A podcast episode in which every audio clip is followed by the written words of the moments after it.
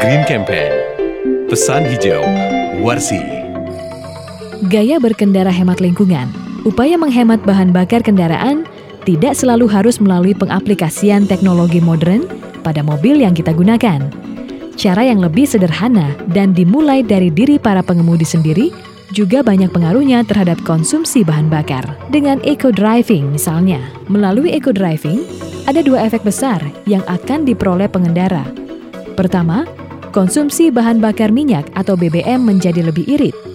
Konsumsi BBM yang irit otomatis akan mempengaruhi belanja BBM. Kedua, dari segi teknis, eco driving mendukung terjadinya proses pembakaran bahan bakar yang sempurna. Pembakaran yang sempurna dapat menekan emisi gas buang yang keluar dari knalpot kendaraan. Itu sebabnya eco driving juga identik dengan gaya berkendara yang ramah lingkungan. Seperti apakah gaya berkendaraan yang hemat dan ramah lingkungan? Berikut ini hal-hal yang dapat kita praktekkan. Pertama, hindari menginjak pedal gas dengan cara menghentak. Injakan harus stabil dan bertahap. Kalau pedal gas diinjak secara tiba-tiba, otomatis bahan bakar yang akan disuplai ke ruang bakar juga terlalu banyak. Akibatnya, tidak semua bahan bakar yang masuk ke ruang mesin terbakar. Ini yang disebut dengan pemborosan karena bahan bakar yang masuk tidak keluar dalam bentuk tenaga, melainkan ikut terbuang ke udara luar lewat knalpot. Kedua, pindahkan gigi persneling sesuai RPM kendaraan. Saat memindahkan gigi persneling, alangkah baiknya pada RPM yang sesuai spesifikasi kendaraan. Spesifikasi ini dapat dilihat pada buku manual kendaraan. Di brosur mobil yang disebarkan dealer biasanya juga terpampang keterangan mengenai momen maksimum atau torsi maksimum dalam satuan kgm atau rpm dan output maksimum dalam satuan kW atau rpm.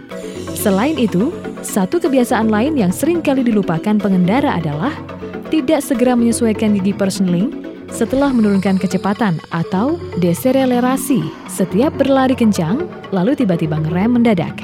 Sebaiknya pindahkan gigi persneling ke posisi yang lebih rendah. 3. Servis berkala dan uji emisi. Boros atau tidaknya konsumsi BBM yang ditentukan oleh kondisi komponen-komponen mesin. Komponen mesin yang sudah banyak mengalami kehausan atau kerusakan bisa menyebabkan pembakaran bahan bakar tidak sempurna. Lakukan perawatan mesin secara rutin. Periksa juga emisi gas buang. Apabila hasil pemeriksaan gas buang menunjukkan nilai HC atau hidrokarbon dan CO atau karbon monoksida terlalu tinggi, ini pertanda pembakaran di ruang bakar tidak sempurna. Perhatikan juga komponen-komponen pada penggerak roda seperti kopling, bearing atau roda, kopel atau propeller start, as roda, dan roda. Bila komponen-komponen penggerak roda ini aus atau rusak, akan menyebabkan tenaga yang dihasilkan oleh mesin untuk mendorong mobil terbuang percuma. 4. Perhatikan beban mesin. Faktor lain yang menentukan konsumsi BBM adalah beban yang harus ditanggung mesin. Usahakan tidak mengangkut muatan yang tidak diperlukan atau overload. Karena semakin berat beban, semakin besar konsumsi BBM. Begitu juga dengan AC. Atur temperatur AC yang sesuai dengan kebutuhan dan kondisi ruangan, karena kompresor AC memberikan beban yang cukup besar bagi mesin. 5. Perencanaan dalam berkendara. Yang tidak boleh dilupakan adalah kemampuan pengendara untuk mengantisipasi dan menghindari kemacetan.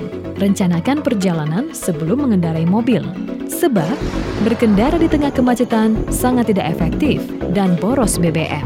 Coba praktekkan kelima hal di atas, lalu bandingkan konsumsi BBM-nya dengan gaya berkendara Anda sebelumnya. Kalau bukan kita, siapa lagi yang akan menjaga lingkungan kita? Pesan ini disampaikan oleh Komunitas Konservasi Indonesia, Warsi.